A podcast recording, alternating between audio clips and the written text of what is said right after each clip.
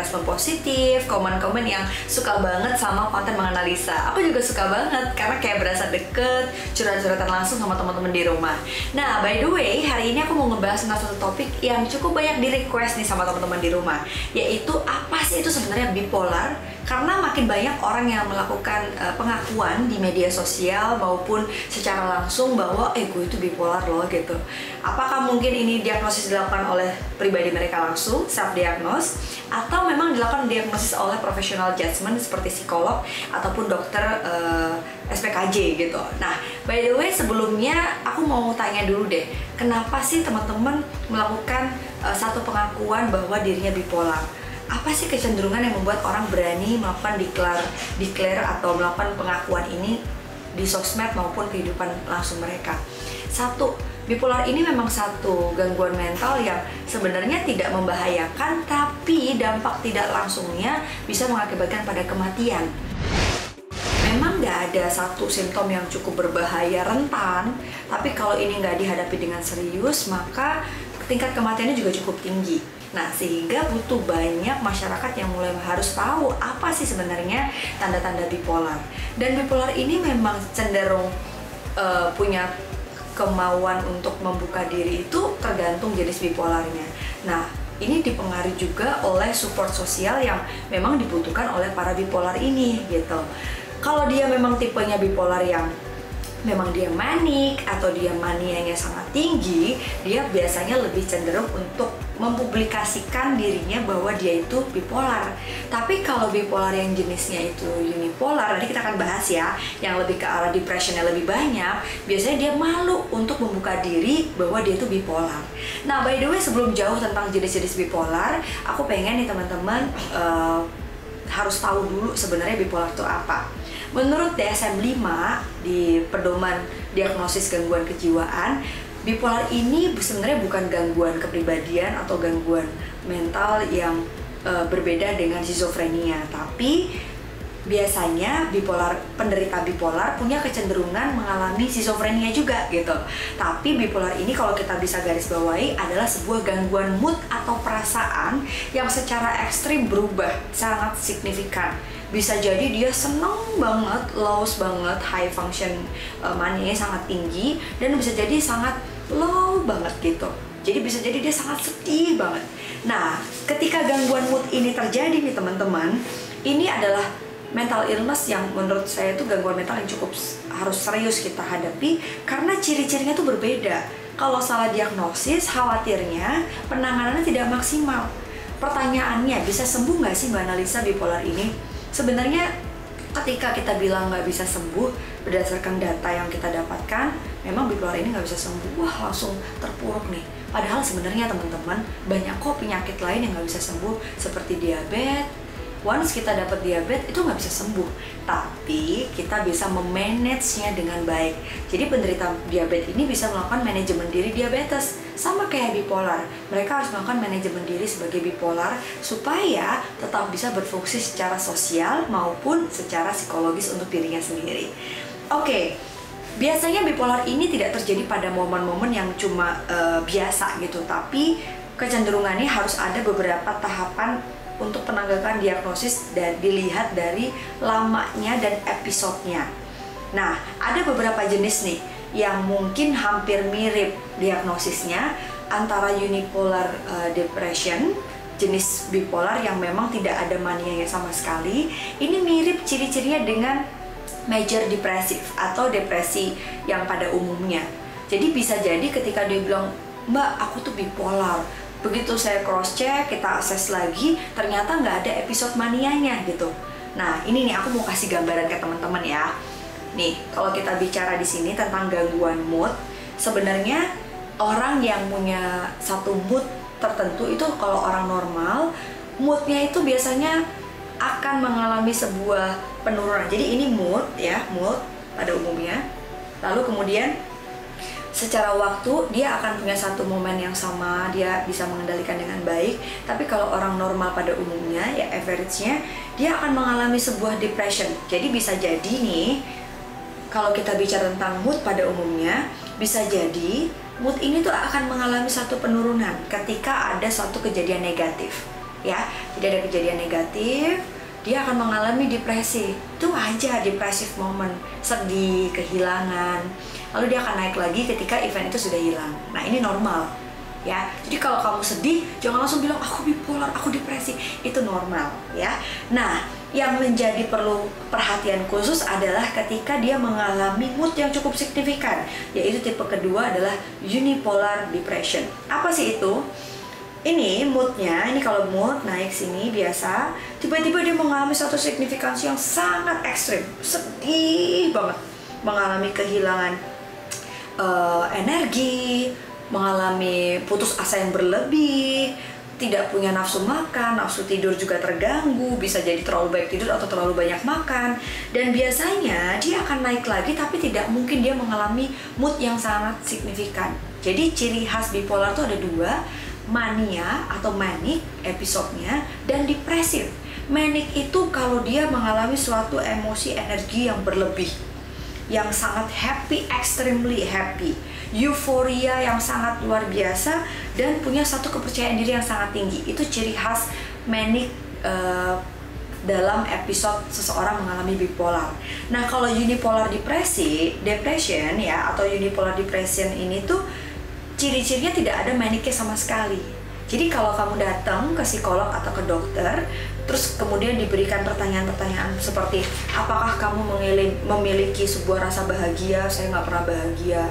Apakah kamu pernah ada di posisi yang sangat extremely di luar kontrol? Kamu marah-marah kamu happy sampai kamu lupa bahwa uh, kamu tuh masih punya uh, kebutuhan lain tapi kamu menghambur-hamburkan uang dengan tanpa sadar jadi royal bisnisnya sangat uh, berani tanpa perhitungan karena terlalu percaya diri daftar jadi caleg gitu ya daftar jadi um, apa pun gitu padahal nggak ngeliat backgroundnya.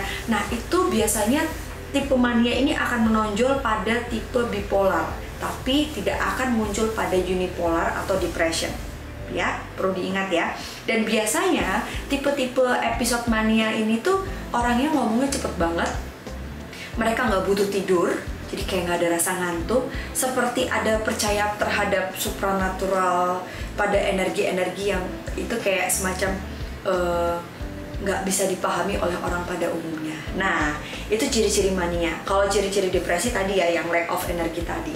Terus tipe-tipe bipolar itu yang pertama tadi ada unipolar depression, itu beda sama orang yang normal. Jadi dia extremely sedih dan dia tidak akan extremely happy. Itu unipolar. Yang tipe berikutnya adalah bipolar. Bipolar sendiri ada dua tipe, teman-teman.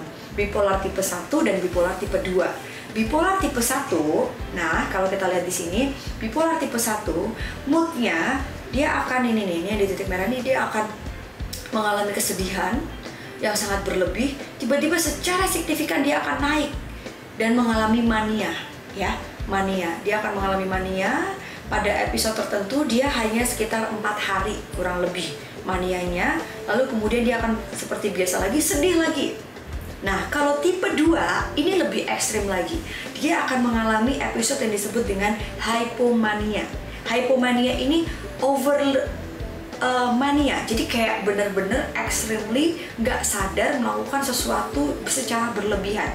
Jadi ibaratnya kalau mania ini orang marah-marah orang happy berlebihan ini jauh berlebihan. Sampai dia kayak ngerasa dia tuh udah nggak butuh tidur lagi gitu. Dia udah nggak butuh lagi uang dia udah ngerasa dia tuh paling hebat dia sampai bisa marah bisa ketawa tanpa kontrol dan biasanya itu dia nggak sadar. Ya itu dia nggak sadar terus bipolar tipe 2 tadi itu yang hipomania bipolar tipe 1 yang hanya cukup mania Nah, jenis bipolar yang terakhir adalah ini cukup unik nih. Dia disebut dengan cyclothymia uh, disorder. Tipe bipolar ini cenderung lebih sama antara mood yang sedih dengan mood yang happy. Jadi kayak berulang cycle. Jadi dia kayak ada rapidly episode yang sama. Jadi ketika kita lihat di sini tuh sedih, kemudian dia senang sedih lagi senang lagi hampir mirip gitu. Kalau yang tipe-tipe sebelumnya kan bisa extremely banget gitu. Kalau yang cyclothymia ini dia lebih cenderung stabil tapi ya itu dua episode itu akan selalu ada. Nah itu tipe-tipe bipolar tuh banyak banget kan. Jadi dilihat dari sini tuh butuh banget penegakan diagnosis yang gak mudah. Saya aja kalau mau ngelakuin diagnosis tuh minimal seorang pasien atau klien tuh harus datang ke ruangan konseling itu 10 kali baru kita berani menegakkan diagnosis. Kenapa? Karena bisa jadi ada kecenderungan kemiripan antara bipolar dengan depresi. Antara bipolar dengan neurotik atau hanya stres biasa. Antara bipolar dengan psikotik. Nah, beda lagi kan gitu.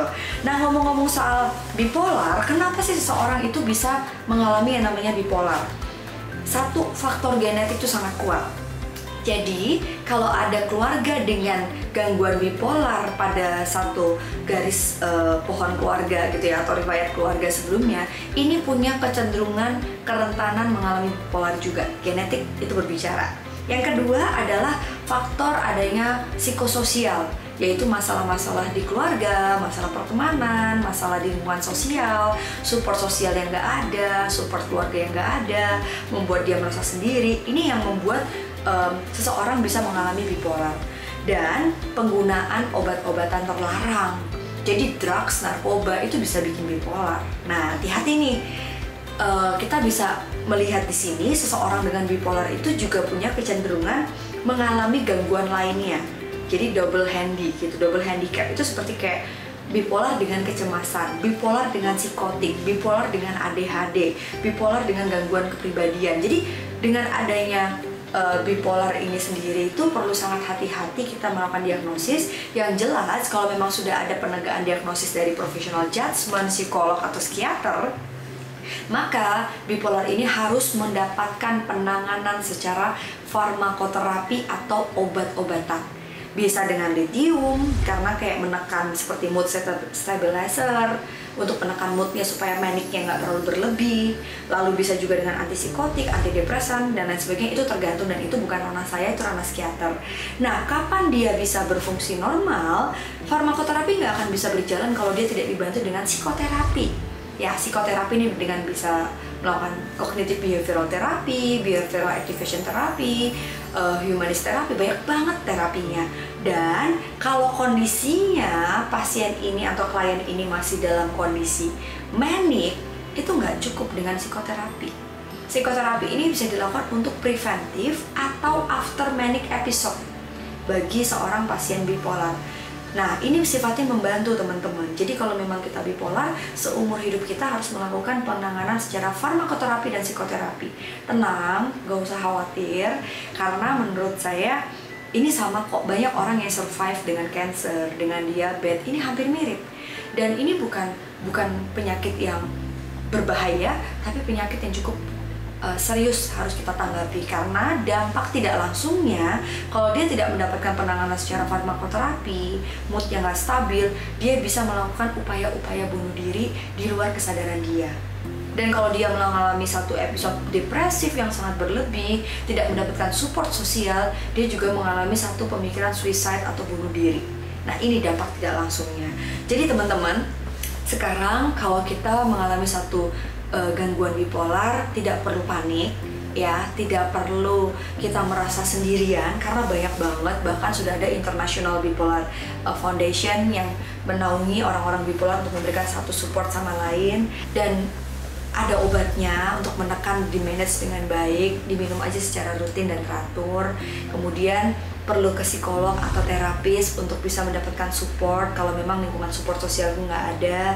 Dan yang pasti kalau anda dengan orang bipolar atau dengan penderita bipolar keluarga sahabat pasangan jangan jauhi mereka. Jangan berikan judgment judgment atau label apa pun terhadap mereka. Karena yang mereka butuhkan adalah support.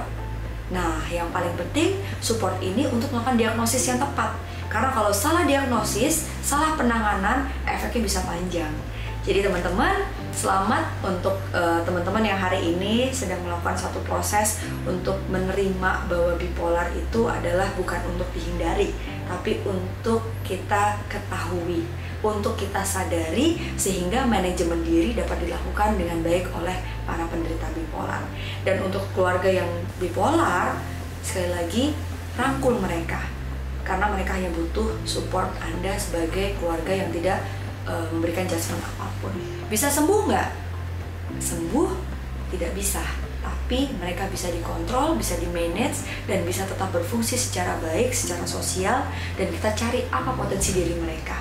Ya, selamat explore diri Anda, dan jangan lupa sebarkan video ini sebaik-banyaknya karena siapa tahu ini bisa membantu Anda dan keluarga Anda yang mungkin selama ini mencari jawaban tentang apa sih itu bipolar. Thank you dan nonton Alsa Channel. Assalamualaikum.